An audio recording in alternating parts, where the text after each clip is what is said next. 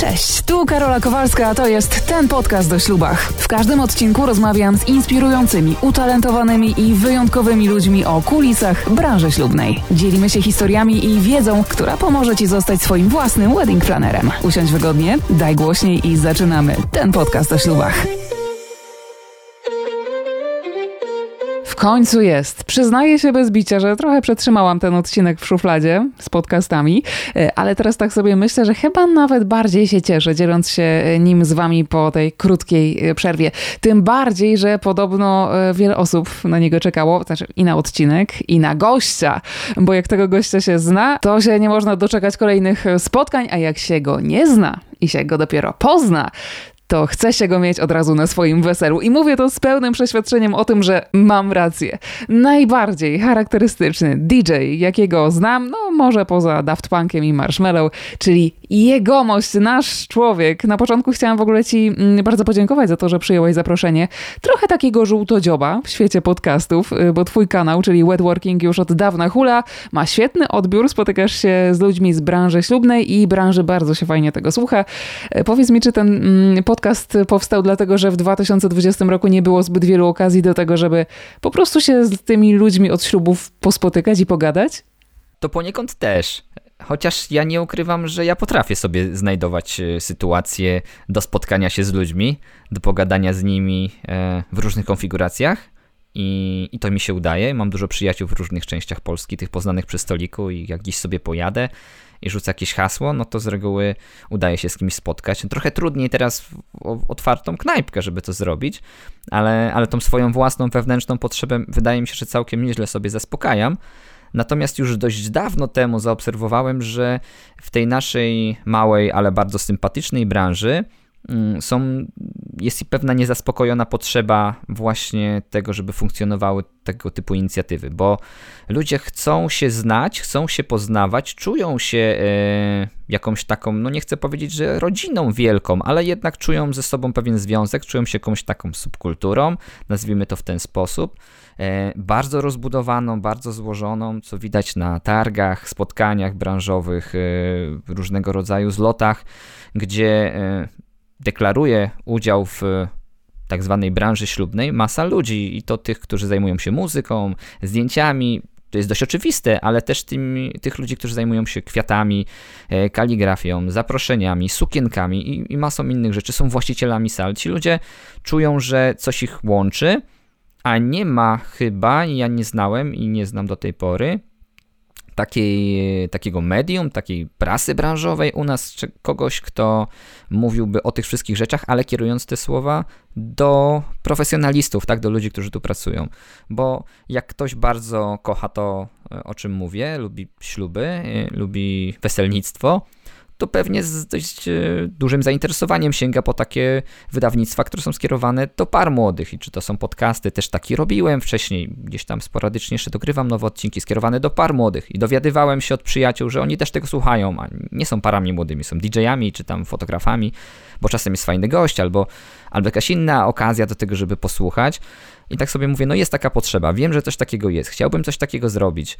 E, no ambicje są większe, bo, bo od podcastu zaczynam, bo ten grunt dość dobrze znam, wydaje mi się, że dość łatwo jest to zrobić, ale chciałbym, żeby tutaj serwis był bardziej rozbudowany, żeby to było coś w rodzaju e, bloga, może, może jakiegoś mini portalu, tak, przeznaczonego właśnie dla, dla ludzi e, z branży i takiego miejsca, gdzie ludzie właśnie ci mogą znaleźć odpowiedź na masę różnych y, pytań, które ich nurtują, e, dowiedzieć się czegoś na przykład o miejscówkach. Jakby pomysłów jest bardzo dużo, jak to rozbudowywać. Natomiast, no tak, no inna rzecz jest taka, że rzeczywiście lubię rozmawiać, e, a pomysł na podcast jest taki, że chciałbym, żebyśmy tam odrobinkę tylko mówili o ślubach, a dużo bardziej mówili o tych ludziach, którzy za tymi ślubami często stoją, bo bardzo często mają naprawdę bardzo fajne historie. No wspomnę tylko Ole, z którą nagrywałem ostatni odcinek podcastu, a która zanim została profesjonalną ślubną fotografką, była tą siostrą, co podaje skalpel, czyli taką instrumentariuszką na bloku operacyjnym kroiła ludzi. I sobie tam żartowaliśmy o tym, że wnętrze człowieka ją zawsze interesowało, teraz jako fotografa tak z drugiej strony, a kiedyś po prostu tam tą trzustkę nerki i inne rzeczy oglądała, w dłoniach nierzadko trzymała i w ogóle. No i to jest osoba, która jest super fajną osobą, a ma za sobą tą historię. I, i takich ludzi właśnie, właśnie sporo. Tam kolega DJ się chwalił, że kiedyś pracował jako znak, wskazywał drogę do jakiejś knajpy czy jakiegoś innego miejsca gdzieś tam w Anglii, jak pracował, był emigrantem. Także to mnie tam kręci, to żeby pogadać trochę o, o ludziach, bo ja jako ten gościu trochę od komunikacji też w tej branży e, obserwuję e, ludzi na dwojaki sposób na ten taki oficjalny, internetowy, pokazywany ludziom jako marka i ten taki, którego spotykam tam przy stoliku i rozmawiamy. I bardzo często się okazuje, że nikogo nie obrażając, ten oficjalny jest taki nudny trochę, a wiem, że tam pod spodem jest, kurczę, jest coś fajnego i fajnie byłoby to po prostu pokazać tak po ludzku, bo to jest ciekawe. E, no i ludzie tego słuchają, więc chyba jest. Myślę, że wiele osób teraz jest Ci bardzo wdzięcznych e, za te protipy, jak tworzyć e, profil marki na, w mediach społecznościowych, a przy okazji być interesującym, interesującym też dla par. Myślę, że często to słyszysz, znaczy ja, ja słyszałam to na pewno kilka razy od swoich par, które przyszły i powiedziały, my chcemy jego mościa, w ogóle nie ma opcji, chcemy tego, tego DJ-a. I ja wtedy im mówię, no wiecie, fajnie, ale to tak do jego mościa to tak półtora roku to minimum wcześniej, dwa lata to może coś tam się znajdzie, ale rok wcześniej no nie ma po prostu opcji, kalendarz zabukowany wzdłuż i wszerz. Więc musi być jakaś recepta na, na twój sukces i mam wrażenie, że, że, że, że oprócz tego, że, że fajność, bezpośredniość, to po prostu jeszcze bycie takim bliskim ludziom e, stoi za, za tym twoim sukcesem, za tą twoją rozpoznawalnością. No oprócz, oprócz tej brody oczywiście.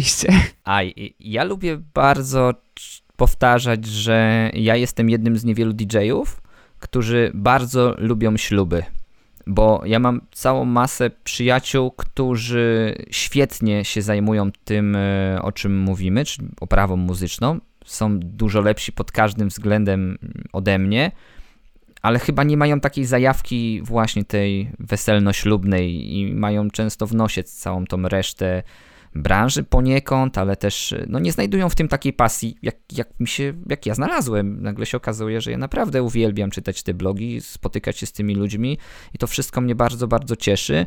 E, ja autentycznie wierzę w wagę tego dnia i w to, jak y, ważną częścią ważnego dnia święta miłości dwóch ludzi my jesteśmy, dwójki ludzi. E, no dwóch też, bo mi się też zdarzały jednopłciowe przyjęcia, więc też jakby absolutnie nie mam z tym żadnego problemu, bardzo zawsze się cieszę, więc, e, więc ja to szczerze czuję, więc myślę, że to też e, widać.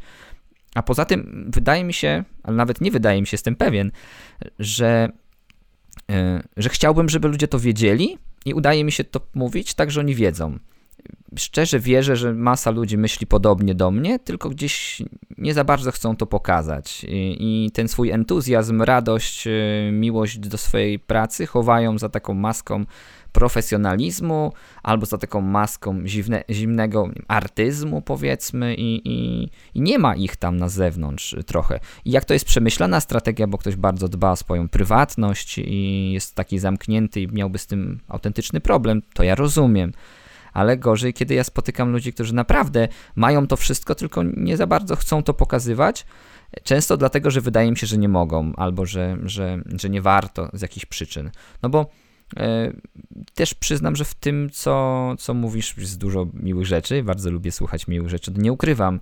E, I też nie ukrywam, że chciałbym, żeby ludzie myśleli o mnie dobrze, żeby ludzie mnie lubili no to staram się robić rzeczy, żeby dojść do tego celu, tak? I jak to jest też cel, e, no to wykonuję pewne rzeczy, które mają temu służyć. I nagle się okazuje, że, że ktoś to zauważa, docenia, to jest, to jest super. Bardzo jest mi miło, jeśli, e, jeśli ktoś e, się cieszy, że, że, że, że będę dla niego pracował i autentycznie udaje mu się, trafia i w ogóle. Bardzo chciałbym dla takich ludzi pracować. Wiesz, jak ktoś do mnie pisze, E, i zaczyna właśnie te swoje wiadomości od tego, że zrobił jakiś research, że on już się cieszy, że mam wolny termin, to jakby nie ma nic przyjemniejszego niż, niż to.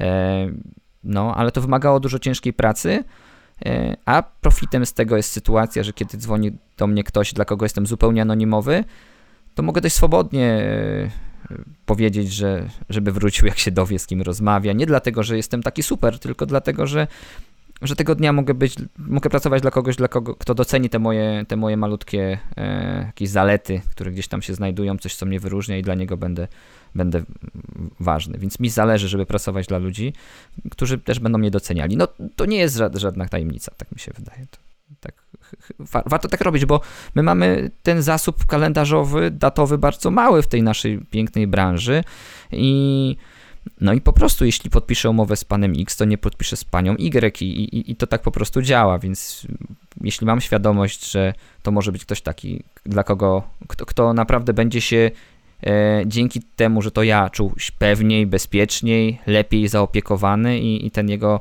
tego doznanie tego dnia będzie fajniejsze, pełniejsze, albo po prostu będzie z jakiegoś względu lepiej, to super. Dlatego robię te wszystkie rzeczy e, i tyle o sobie gadam i pokazuję siebie, żeby ten efekt osiągnąć. I ja uważam, że najważniejsza rzecz na końcu to jest to, że para młoda jest szczęśliwa, e, a to jak się do tego dojdzie, to już ma drugorzędne znaczenie i bardzo często bardzo różnie.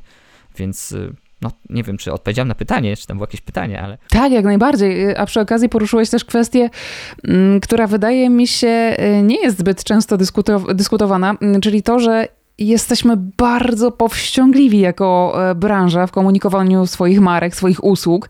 E, co więcej, wydaje mi się, że mm, to po prostu jest taka nasza trochę cecha polska, narodowa, taka, wiesz, powściągliwość we wszystkim generalnie, żeby nie być takim hop do przodu, nie wyjść za daleko przed szereg, nie zaszkodzić sobie takim właśnie byciem zbyt e, odważnym, otwartym, zbyt oryginalnym, ale też na przykład zbyt mało i daję to teraz y, w, w cudzysłów, e, zbyt takim mało kulturalnym wobec potencjalnego klienta. Mamy chyba trochę wrażenie, że jak będziemy bardziej sobą, czyli sobą Krzyśkiem, sobą Karoliną, tam sobą, wiesz, Gosią, e, a nie sobą równa się wykonywaną profesją, e, to stracimy klienta, bo nie będziemy aż tak profesjonalni, jak być może ten klient by oczekiwał. Ale to, co powiedziałaś na końcu, to też jest prawda, czyli e, to jest zawsze ryzyko Mówi się w marketingu, że silna marka zawsze wyklucza. Ona nie może być dla wszystkich i ja bardzo nie chcę być dla wszystkich, ale zrozumienie tego, że, e, że ktoś, kto pracuje w branży ślubnej, może mieć w roku 30-40 klientów, e, a być może mniej, w zależności od tego, jak pracuje, powinno powodować, że że się nie chce być dla wszystkich. Nie, chce się próbować nawet być dla wszystkich, bo wiadomo, że takie odsłonięcie się powoduje e, pewne reakcje ludzi. One, ono ma je powodować. E, każdy element komunikacji, który się wokół siebie buduje, właśnie to robi. Tylko, że teraz jest takie troszeczkę błędne koło, że jeśli wszyscy są bardzo zachowawczy, a pojawiają się czterej odważni ludzie, jedni idący w tą stronę, a drudzy w zupełnie inną, no to ten ruch się tam kanalizuje, tak? To jeśli przychodzi taka para, która chce otwartego, empatycznego wariata, który będzie się z nimi przytulał i płakał, jak się wzruszy, czyli na przykład mnie, to weźmie mnie. A ktoś, kto chce e, właśnie jakiegoś takiego z drugą stronę, powiedzmy pana takiego testosteronem napakowanego trochę bardziej, takiego właśnie dominującego i, i, i taką charyzmę posiadającego, pójdzie w tamtą stronę. A tych takich ja wiem, że kolor roku przyszłego Panetone to szary, no ale tych właśnie takich szarych gdzieś tam w połowie drogi, no, no to właśnie, że, że oni e, nawet nie mają, nie, nie, są postrzegani w jakiś konkretny sposób, nie będą. I o ile wszyscy tacy by byli, to musiała, to, to klienci muszą się posługiwać pewnymi innymi wskaźnikami na rynku, muszą się gdzie indziej szukać e, jakby pomysłów, więc muszą wszystkich obdzwonić i wtedy już sobie sami wyrobić jakieś zdanie. A tutaj, no już na dzień dobry dostają kogoś, kto im pasuje, kogoś, kto im super pasuje, kogoś, kto im nie pasuje. No i ja też lubię tak żartować, nie lubię się powtarzać, ale gdzieś tak mi ktoś kiedyś powiedział, mi się to bardzo podoba, takie porównanie. E, ktoś powiedział mi kiedyś, że ja jestem trochę jak Garbus, Volkswagen Garbus, że dość charakterystyczny, niby każdy kojarzy, nie każdy chciałby to kupić, raczej mało kto chciałby się tym przejechać, ale jak już ktoś komu się podoba, to bardzo się podoba.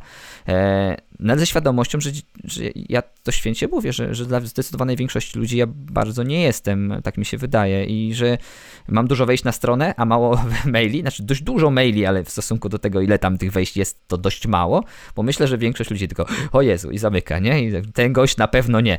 E, natomiast jak coś tam zostaje dłużej, to jest intrygujące, to, to, to wtedy tak. Więc jakby ja zachęcam każdego do tego, żeby trochę tego z siebie tam dał, chociaż to też wiadomo, że wiąże się z kosztami, no bo ja jestem szczery i naprawdę poświęcam bardzo dużo czasu swoim parom, jestem czasami trochę wedding plannerem, żeby nie powiedzieć, że wedding plannerką, ale podpowiadam, e, jestem do dyspozycji, spotykam się, mailuję, facebookuję, rozmawiam przez telefon, znajduję samochody czasami, czy jakichś tam innych usługodawców, pytają się mnie, ej, mamy trzech fo fotografów, którego wybrać, ja mówię, a wolicie takiego bardziej, a, czy takie bardziej, mm, no wolimy takiego, no to, no to ten będzie bardziej, bo znam ich wszystkich, to mogę ci polecić, że jakby pod tym kątem. Zdjęcia robią wszyscy świetne, ale osobowościowo na przykład się różnią, więc i to jest inwestycja czasu razy ileś par w roku. Ja to kocham, uwielbiam, mnie to nie męczy, ale mam kolegów, którzy najchętniej na pierwszego maila wysłaliby umowę, przyszliby na wesele, zagraliby imprezę e, i nigdy więcej tych ludzi nie chcieli oglądać na oczy a są świetni w swojej robocie, po prostu kosztuje ich to dużo, dużo mniej. Więc nawet jeśli ja gdzieś e, do pewnych stawek doszedłem, to roboczo godzina nie jest wcale taka droga u mnie, biorąc pod uwagę to całe zaangażowanie. Więc być może ktoś świadomie decyduje się na to, że się chowa bardzo w tej swojej piwnicy. E, natomiast jeśli tylko brak mu odwagi, to, to warto próbować, tak mi się wydaje. Ja uważam, że, że warto. E, no i właśnie też y, na chwilkę jeszcze przypomnę to, co powiedziałem chwilkę temu, że jak inni będą to robić, to my trochę czasami musimy, jesteśmy do tego, jesteśmy do tego zmuszeni. To trochę jak na takie telewizyjne reklamy pewnych nowych produktów. Jak, jak ktoś obserwuje telewizję i ogląda telewizję i nagle się pojawia reklama mm, na przykład jakiś, nie wiem, magnezu, tak, tabletki takie, preparat magnezowy, producenta X no to za pół roku czterech innych producentów musi być w telewizji, bo inaczej nie istnieje. Więc tak tutaj troszeczkę tak, że o, jak jest dużo szczerych ludzi wokół mnie, ja też muszę się zastanowić, czy aby nie, no właśnie w końcu nie pokazać siebie trochę bardziej. Po części już odpowiedziałeś na to pytanie, ale chciałabym, żeby ten podcast pełnił taką funkcję edukacyjną jednak, więc zapytam cię i pozwolę ci bardziej rozwinąć jeszcze tę myśl. Mm, pary najczęściej wybierają DJ-a na podstawie jego e, oferty, strony internetowej i nagrań, filmików e, z wesel, z parkietu, jakie zobaczą. I powiedz mi, czy to jest błąd z twojej perspektywy? Czy pary powinny DJ-a poznać, y, spotkać się tak jak my teraz na Zoomie, na Skype'ie? No bo sam mówisz, że pomagasz klientom mm, dobrać fotografa, rekomendując konkretne osoby ze względu na ich sposób bycia, charakter pasujący do, mm, do danej pary. Czy w przypadku DJ-a powinno się obrać podobny kierunek? Poniekąd. E, bardzo ważna jest świadomość tego, że komunikacja stojąca za czymkolwiek, z czego na co dzień korzystamy, nie zawsze jest efektem e, pracy tej osoby, z której usług idziemy skorzystać. E, I to chyba dość, dość e, dobrze wiemy na co dzień, ale jednak mimo wszystko ten efekt ciągle mamy w głowie. Chodzi mi o to, że mm, taką komunikację, stronę, sesję zdjęciową, wizerunek, nawet teksty można sobie po prostu kupić. Ja napisałem swoje teksty na stronę, ale na przykład mam kolegów, którzy robią to też dla innych i wtedy to nie jest y, takie zwierciadło duszy tej osoby, z którą tam będziecie gadać. E, szczególnie też jeśli będziecie korzystać z usług jakiejś większej firmy, która posiada kilku pracowników, ale to samo jest wszędzie.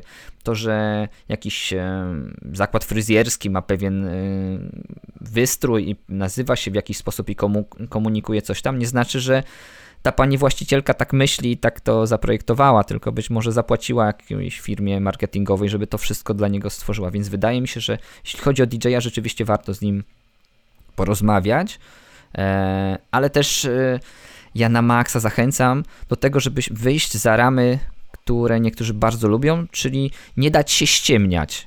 Chodzi mi po prostu o to, żeby uruchomić też trochę swoją głowę, i, no i właśnie złapać się na tym, że ktoś zaczyna być po prostu nieszczery.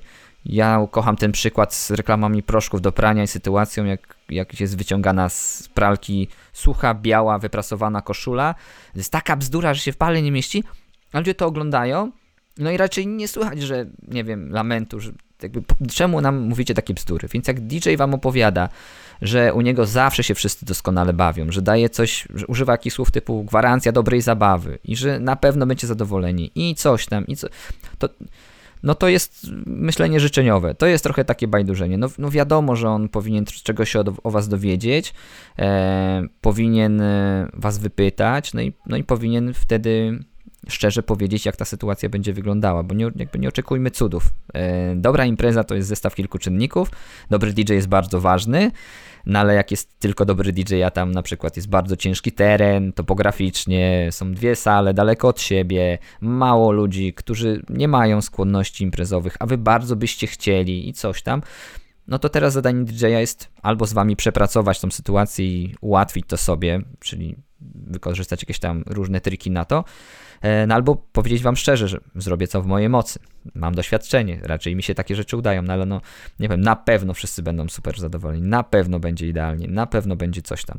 Eee, no i to jest jedna rzecz. No druga rzecz to chciałbym zachęcać do tego, żeby wybierać ludzi, którzy e, naprawdę rozumieją to, co się do nich mówi. Czyli nie tylko sami chcą gadać, ale też chcą trochę posłuchać i naprawdę autentycznie będą się cieszyć z tego, że mogą to zrobić może trochę inaczej niż zwykle.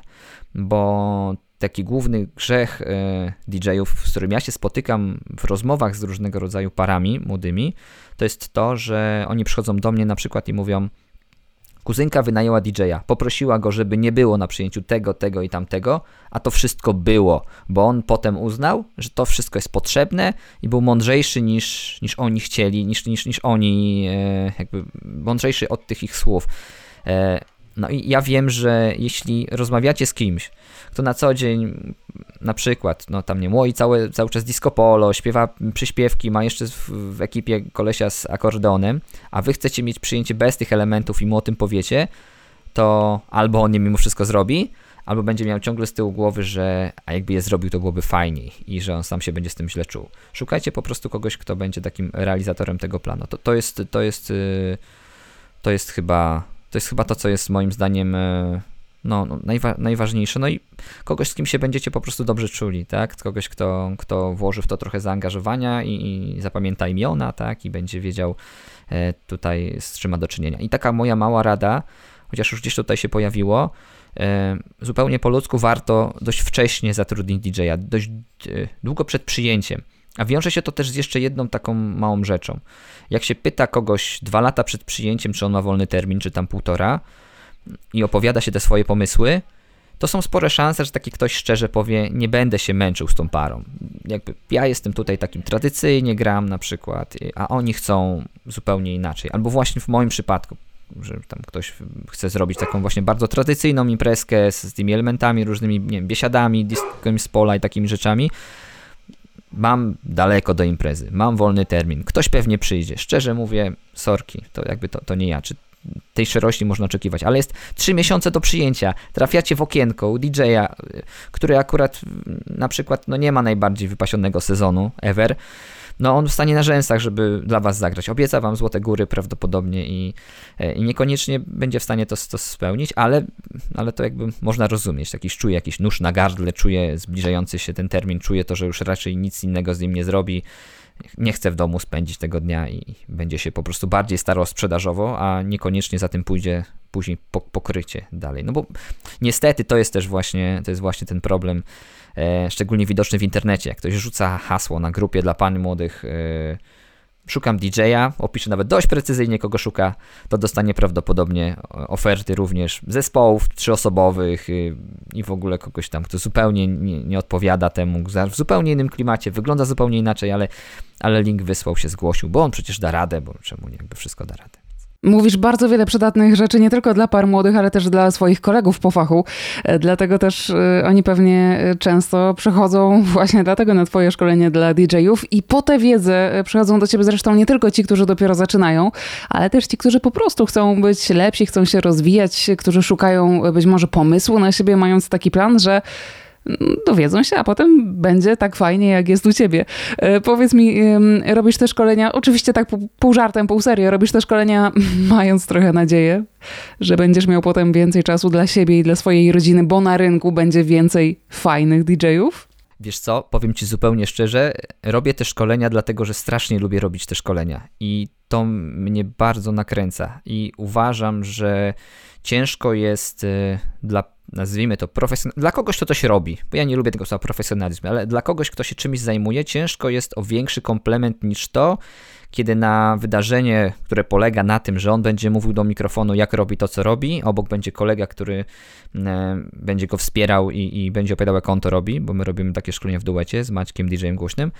Jeśli na takie wydarzenie przychodzi 130 osób, każdy płaci niemałe pieniądze, poświęca dwa dni swojego czasu i przyjeżdża na przykład do nas do Wrocławia z Suwałk, bo są tacy, z Trójmiasta czy, czy, czy z Białego Stoku, już nie mówiąc o Szczecinie czy, czy w Warszawie czy tam Krakowie, bo to już dużo łatwiej bliżej dojechać no to to jest ekstremalnie fantastyczny komplement mówiący, że chyba coś się udaje i chyba jest dobrze. Jak na końcu jeszcze zbijają piątki, cieszą się, uśmiechają, pytają, kiedy następna okazja do spotkania, to to daje naprawdę olbrzymiego kopa i strasznie przyjemnie się to po prostu robi. Zostanie z tym mikrofonem, mówienie do, do ludzi, odpowiadanie na ich pytania, yy, znajdowanie tych jednych zainteresowanych oczu, jak Miałczyński w swoim tam Dniu Świra. Nie, tam jest więcej zainteresowanych oczu, bo część ludzi gdzieś tam ostro notuje. To to jest super.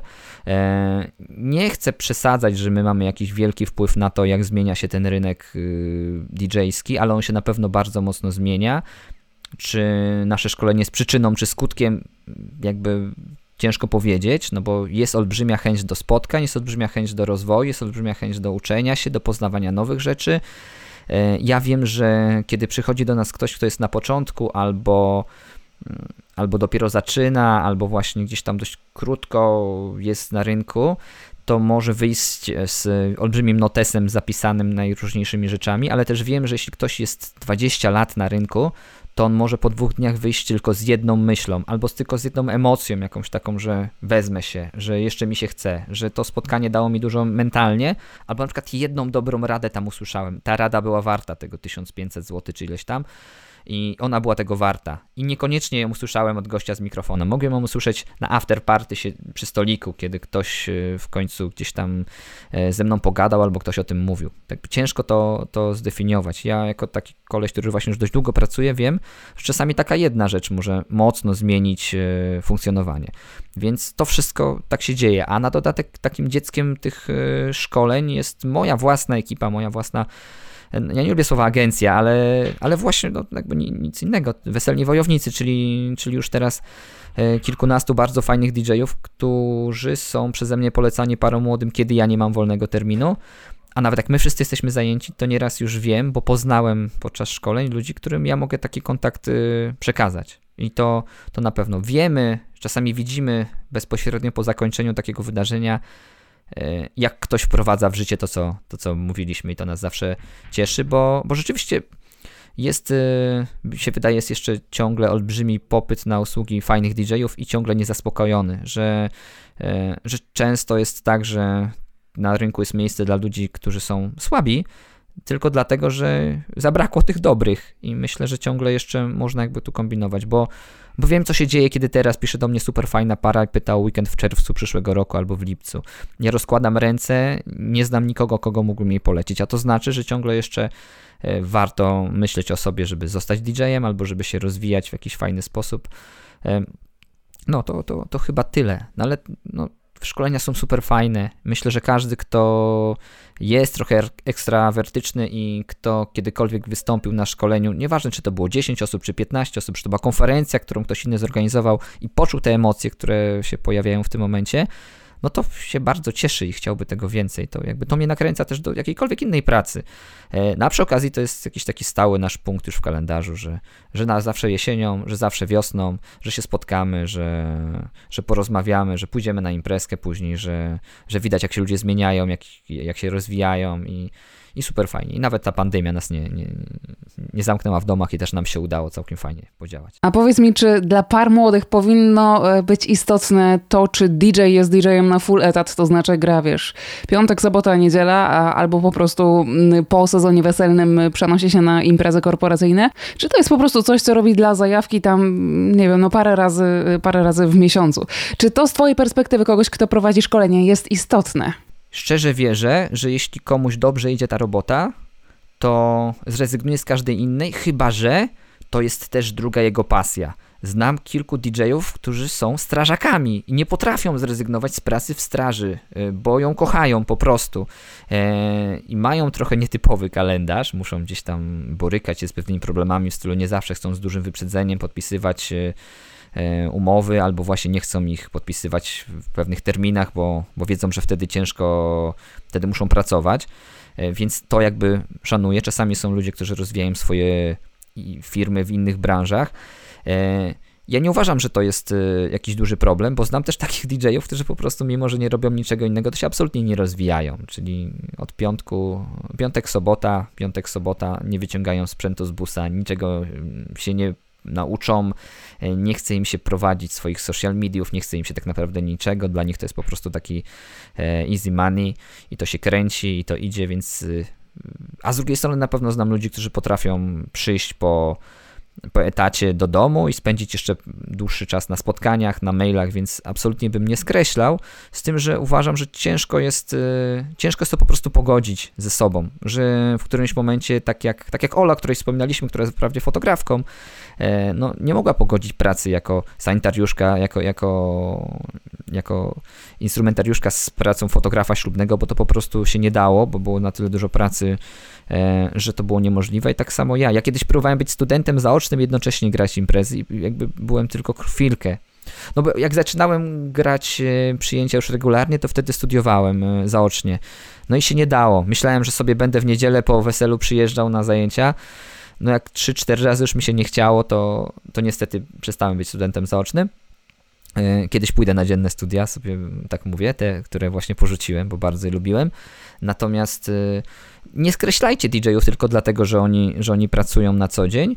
Natomiast to jest też taka kwestia odpowiedzialności tego DJ-a. On musi wiedzieć, że no musi mieć siłę, musi fizycznie dać sobie radę e, i na pewno dla nich jest to taki problem, że dzisiaj jest taki silny nurt do robienia przyjęć poza weekendami i szczególnie widzę to w przyszłym roku. Mam mnóstwo zapytań o wtorki, o środy. No nie da rady e, gdzieś pracować na etacie i, i to robić. Ja pracowałem e, też bezpośrednio przed tym, jak zostałem DJ-em, jako dziennikarz lokalnych mediów byłem freelancerem w tej troszeczkę, tak? Znaczy miałem do wykonania pewne zadania, natomiast ja zarządzałem czasem. No i świadomie powiedziałem, przepraszam, nie jestem w stanie zmotywować się po ciężkim weekendzie do pracy w, so w poniedziałek e, i podziękowałem. Także, także to tylko tyle. No, wydaje mi się, że to jest bardzo indywidualna, bardzo indywidualna sprawa i e, no, no, no i tyle. Szczególnie właśnie jeśli się zastanowimy, czym może być ta praca etatowa dla DJ-a, z którą on jest w stanie sobie godzić tą, tą pracę weekendową później, tak? I, I to nie takie łatwe. Bo to jest jednak rzeczywiście, wydaje się ludziom, że, mm, że to, jest, znaczy, to jest bardzo przyjemna praca, ale bardzo też męcząca, wycieńczająca energetycznie, emocjonalnie.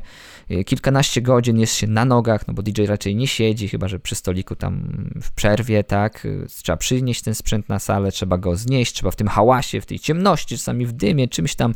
Yy, czasami z jakimiś wujkami sobie da się radę. No wiadomo, że czuje się człowiek odpowiedzialny za to, co się dzieje, więc się stresuje, ten stres też się odbija na nas, je się gdzieś w środku nocy i tak w piątek, i tak w sobotę, i czasami jeszcze jakiś trzeci dzień, więc po tym wszystkim iść gdzieś do pracy, ja bym nie chciał. E, ja się budzę w poniedziałek, mówię sobie, dzisiaj nic nie robię, po czym koło południa zaczynam odpisywać na maile, wieczorem mam jakiś Skype'a i się okazuje, że znowu cały dzień byłem. Ja mam problem z tym, żeby się tak odciąć od pracy, nawet na wakacjach.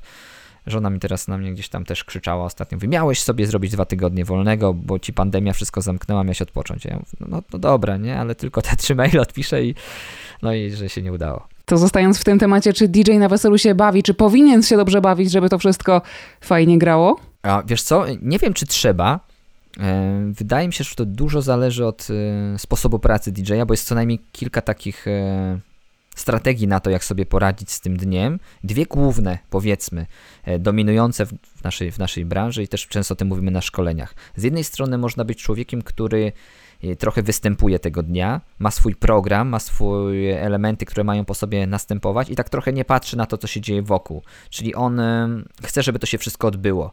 E, czyli są jakieś bloki muzyczne, jakieś zabawy, dużo ich, jakieś przebieranki, jakieś atrakcje, jakieś tam różne elementy są w przeróżny sposób zorganizowane. Praktycznie co tydzień tak samo to samo. No i on to wszystko zrobi, prawdopodobnie to jego zaangażowanie da jakiś efekt, większy bądź lepszy. No i on wtedy w ogóle nie musi się bawić, no bo on może być aktorem na, na scenie, tak? On, on, on nie musi się tego dnia dobrze bawić, on to po prostu wszystko zrobi. E, no i prawdopodobnie klienci właśnie tego chcieli, bo to widzieli, w ten sposób pracuje. Pełen szacunek, można tak robić, ja tak nie robię. Ja jednak staram się bazować na tym, co ludzie robią, jaki mają nastrój, a żeby go rozumieć, muszę się też nastroić pozytywnie, więc ja muszę być optymistyczny, często najbardziej optymistyczny i trochę tej energii od siebie dawać, więc ja e, bardzo staram się bardzo dobrze się bawić i z reguły mi się to udaje. Mam też pary, którym bardzo zależy na tym, żebym ja się dobrze bawił. To Lubię sobie żartować, że, że jestem jakimś takim papierkiem lakmusowym trochę na przyjęciu, że ktoś mnie pyta i szczerze wierzy, że ja szczerze mówię, że jest fajnie, to jest fajnie. E, I, I dlatego pytają mnie, czy nie mam ochoty na drinka, czy tu wszystko na stoliku jest tak, jak powinno być i w ogóle, więc jakby jak się, jak się nie bawić, szczególnie, że ja dość szybko mam tam kilku znajomych, z którymi można sobie tam gdzieś zbić piątki, szczególnie parę młodą, która właśnie gdzieś tam się pojawia koło mnie i się trochę po, pożartujemy. Lubię do nich chodzić do stolika i pogadać i się z kimś zapoznać, a w ogóle lubię jak jeszcze posadzą mnie gdzieś z gośćmi, to też jest fajne. No, siedzieć samą ekipą też jest fajnie, ale z gośćmi nie mam z tym żadnego problemu, więc ja się świetnie bawię na przyjęciach i najbardziej pamiętam te, na których się po prostu bardzo dobrze bawiłem. Raz na jakiś czas zdarzy się sytuacja jakaś, która właśnie sprawia, że ta praca jest bardziej pracą e, i, i, i mniej mam takiej czystej radości. Czasami to się wiąże właśnie z jakimś stresem, czasami z czymś, czego nie wiem, no, no jesteśmy tak ludźmi, prawda? No, no coś się tam mogło zdarzyć w życiu prywatnym i ten dzień E, no niekoniecznie się skleił. No byłem na przyjęciu na przykład dniu, kiedy, kiedy mój przyjaciel zmarł. Rano się dowiedziałem o śmierci przyjaciela, bliskiego przyjaciela, wieczorem grałem wesele i bardzo się uśmiechałem. No ale, no ale ciężko powiedzieć, że się wtedy świetnie bawiłem, więc jakby takie rzeczy też się zdarzają. Więc y, chyba nie trzeba, ale to bardzo pomaga. Ja bardzo lubię i ja się naprawdę świetnie bawię w pracy, bardzo często, co mam nadzieję, że gdzieś widać też w mojej komunikacji. Eee, no, no i, i, i też jestem przedstawicielem tego nurtu, E, który jak ktoś mnie pyta, czy ja się chcę z nim dobrze bawić i napije się 50, to się napije, jak nie muszę jechać następnego dnia nigdzie. E, I jest wesoło, jakby jestem takim uczestnikiem tych przyjęć też i myślę, że to też wbrew pozorom e, jest bardzo profesjonalne. Mhm, jest, tak, bo potrafisz wyważyć gdzieś ten środek, prawda, pomiędzy e, byciem e, profesjonalistą, profesjonalnym, a po prostu byciem fajnym człowiekiem, który też w ten sposób pokazuje parze młodej, że hej, jestem tutaj dla was, jeżeli to jest dla was ważne, żebym się bawił, to dla mnie to w ogóle nie jest żaden problem. Bo to, to jest umiejętność też bardzo potrzebna w tej pracy, ta empatia, która, która która ci podpowiada, co dzisiaj powinno się robić, czy mówić do wszystkich na pan pani, czy mówić elo mordeczki, no nie, no może nie aż tak, ale coś w tym klimacie i, i czy można się powygłupiać bardziej, czy nie. I, i to jest właśnie, właśnie, właśnie bardzo ważne. Nieraz się trzeba czasem, nieraz się trzeba powstrzymać przed czymś, a czasami można sobie naprawdę na wiele pozwolić. I wiem też, że właśnie pary na to liczą i też często słyszę jako komplement, że ja sprawiałem takie wrażenie, że mi się to wszystko podoba i że mi to sprawia przyjemność, a tak było naprawdę. I jak ktoś mówi, że ty chyba naprawdę to lubisz, to widać. Widać po tobie, że lubisz to, co robisz. I to nam też pomagało. No to jaka jest prawda, bardzo to lubię. I no to chciałbym, żeby ludzie o tym wiedzieli. Nie, że tak bardzo lubię, ale będę powściągliwy w swoich reakcjach, żeby nikt przypadkiem nie zobaczył, że ja się dobrze bawię, bo nie wiem co. Tak, bo jestem w pracy. Coś mi się, mnie złego wtedy spotka. Nie, raczej nie. Tak. Ostatnie pytanie chcę ci zadać. Krzy właśnie, Krzysztof czy Krzysiek, bo nawet nie ustaliliśmy na początku, jak się do ciebie zwracać. Oj, to też jest taki po... żart, który już kilka razy przerabiałem, ale do mnie wszyscy mówią Krzysiu i bardzo szybko jest Krzysiu albo Panie Krzysiu i zawsze mnie to bawi. E, bo czasami ktoś robi dwa kroki do tyłu. Wiesz, że gadam sobie z parą młodą, mailujemy mm, i dziewczyna do mnie mówi Krzysiu, Krzysiu, a w następnym mailu mówi przepraszam cię bardzo, że ja tak Krzysiu. No bo już my się jeszcze nie spotkaliśmy nigdy. Ja mówię spoko, Lusek, wszyscy tak robią, więc nie wiem, coś takiego mam. Nie lubię Krzyś, cała reszta jest spoko. E, Także, także nie ma problemu. No i raczej nie, nie, nie każę siebie nigdy tytułować moją ksywką tą marketingowo-internetową, tak? Raczej mało ludzi do mnie mówi, hej, jego mościu, czy coś takiego. To raczej rzadziej. Ja mówię, mam na imię Krzysiek, jestem Krzysiek. To samo mówię też, kiedy się witam z gośćmi na przyjęciu, to też nie używam tej ksywki. Pewnie niewielu, wielu nie wie, jaka ona jest i dowiaduje się czasami, jak przychodzi do mnie, ej, czy mógłbyś podać mi adres swojej strony, czy tam numer telefonu, bo, albo tam chcemy cię komuś polecić, czy coś takiego no to o fajnie, tak, ciekawa ta, ta nazwa, tak, nie wiedzieliśmy o niej wcześniej, jesteśmy tu od kilku godzin, więc jej nie ma gdzieś tam wypisanej na żadnym banerze koło mnie w ogóle, więc e, no to też jest, no już chyba taki pomysł, który, który mało kto ma, żeby to napisać, wiem, że to raczej taka właśnie element y, kiczu, który, o którym chcemy zapomnieć. Kiedyś miałem taki baner, nie ukrywam, ale ja właśnie jestem dość długo już y, na rynku, bo już 8 lat moja firma skończyła w listopadzie, na początku miałem taki baner, no a już nie mam od dawna. A to były inne czasy, wtedy jeszcze baner nie był aż takim strasznym obciachem. E, Krzysiu, na zakończenie chcę cię zapytać e, o to, co pary powinny robić, żeby wam, ludziom, którzy dbają i generalnie kręcą tę imprezę, czyli wesele, dobrze się pracowało od samego początku do końca. Co muszą zrobić? E, zorganizować dobrze przyjęcie. A co znaczy zorganizować? To znaczy przede wszystkim e, skupić się na początku w swoim myśleniu na tym, jakie ono ma być. To jest. Y, to może będzie prosta recepta, ale dość skomplikowana w swojej treści, no bo jeśli chcecie, żeby na waszym przyjęciu goście dużo tańczyli, e, spędzali ten czas właśnie w ten sposób, to wybierzcie jedną salę, to pozwólcie tym ludziom siedzieć blisko parkietu, to nie twórzcie tysiąca okazji rozpraszających. To niekoniecznie fotobudka, to niekoniecznie piękny ogród wokół, to niekoniecznie rozpraszacz tego typu, to niekoniecznie iluzjonista ze swoim pokazem i barman rzucający szklankami i co chwilę tego typu rzeczy, bo to nie pomoże. Okej, okay, te przeszkadzajki e, nie zawsze mocno przeszkadzają, ale to nie optymalizuje tej drogi. Chcecie, żeby była taka impreza to zróbcie tak, żeby ona była też scenariuszu, wyborem miejsca i w ogóle chcecie, żeby to było luźne popołudnie, fajny wieczór, żeby goście czuli się swobodnie, żeby robili co chcą. Zróbcie odwrotnie, jak niż powiedziałem przed chwilką. E, I wtedy DJ-owi też o tym powiedzcie, jakie macie wobec niego oczekiwania, bo prawdopodobnie on się będzie bardzo denerwował, stresował, jemu bardzo zależy.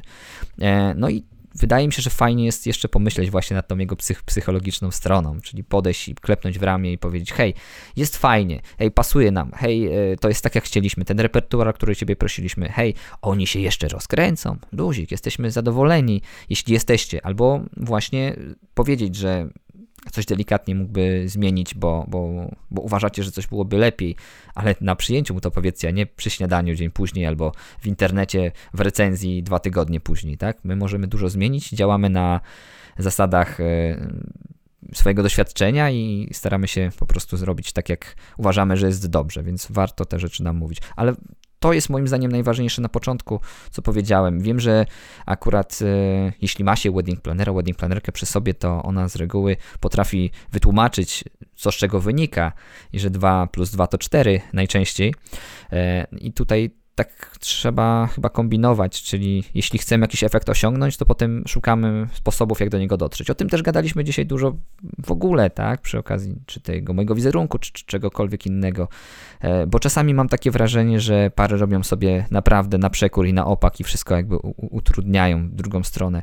Chcą szaloną imprezę, ale zaczynają przyjęcie ultra wcześnie, przy palącym słoń, słońcu, e, na 15 salach, e, przy jakimś tam innych takich rzeczach, które nie, no nie sprzyjają temu.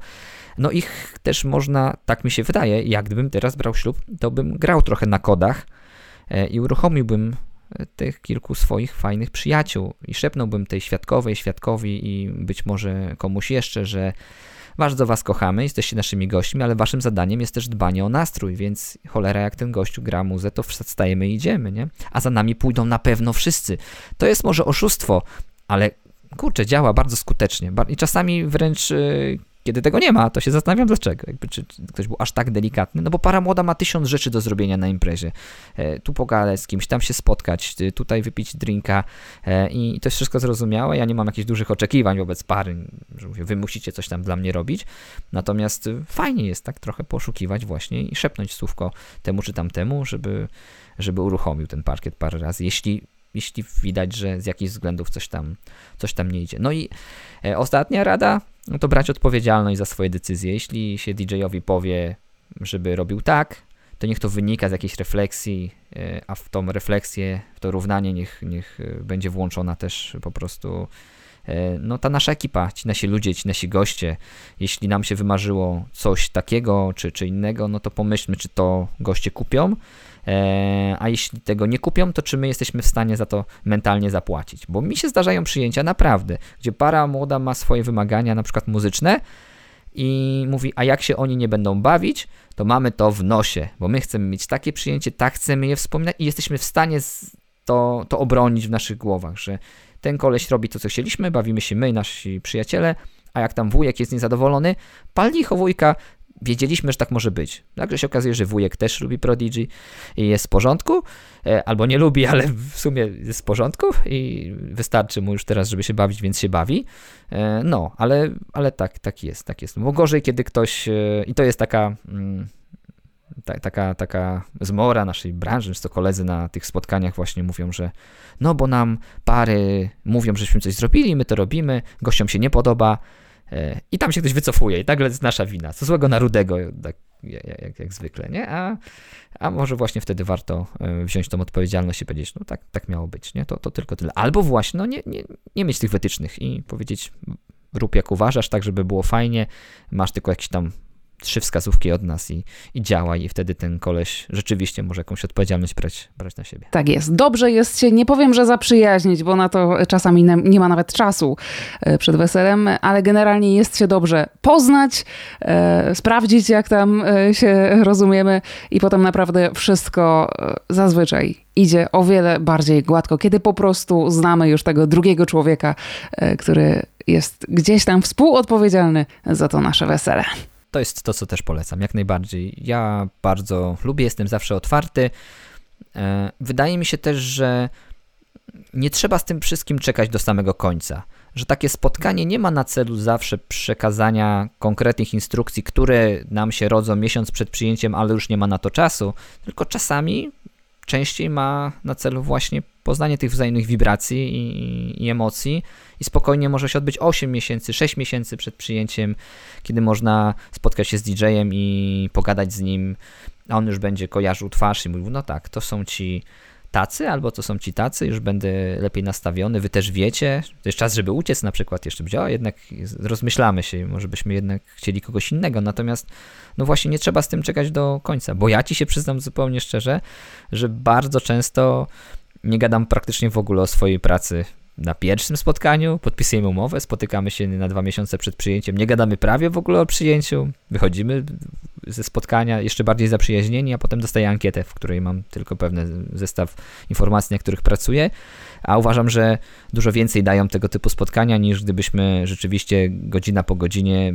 jak nie wiem, Napoleon planowali tą bitwę e, i, i nie skupili się w ogóle na tym, kim jesteśmy nawzajem, jakby na, na, sobie. Wolę, wolę tak, więc myślę, że to, e, że, że nie trzeba po prostu z tym czekać, bo rzeczywiście na końcu nie ma czasu na nic. Ja kocham tą sytuację, jak dzień przed przyjęciem o 22 dzwoni do mnie pan młody e, z informacją, że właśnie skończył prezentację dla rodziców, czy ja mogę sprawdzić, czy ona działa.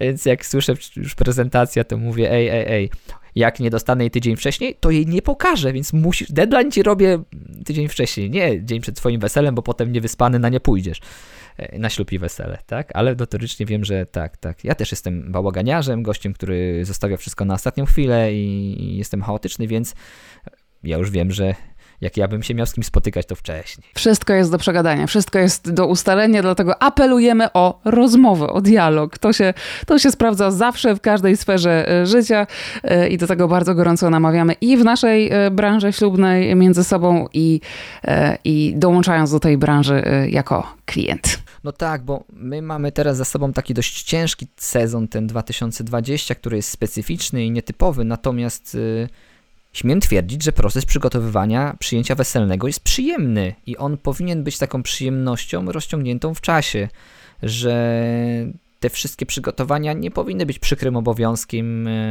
dzień przyjęcia eksplozją, a później się sprząta ewentualnie chwilkę po tej eksplozji, tylko to powinno być e, właśnie w każdym elemencie dość przyjemne.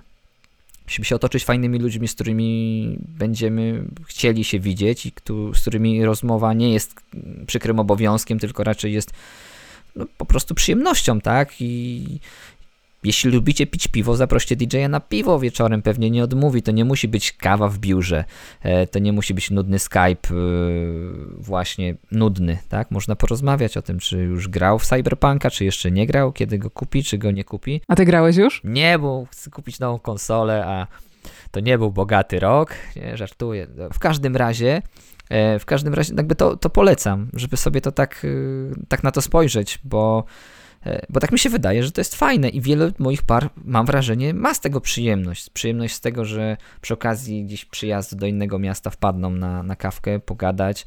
Może to jest pretekst czasami. Ja jestem z Bolesławca na Dolnym Śląsku, nikomu nie jest tu po drodze, chyba że ktoś jedzie do Rajchu, e, a czwórką.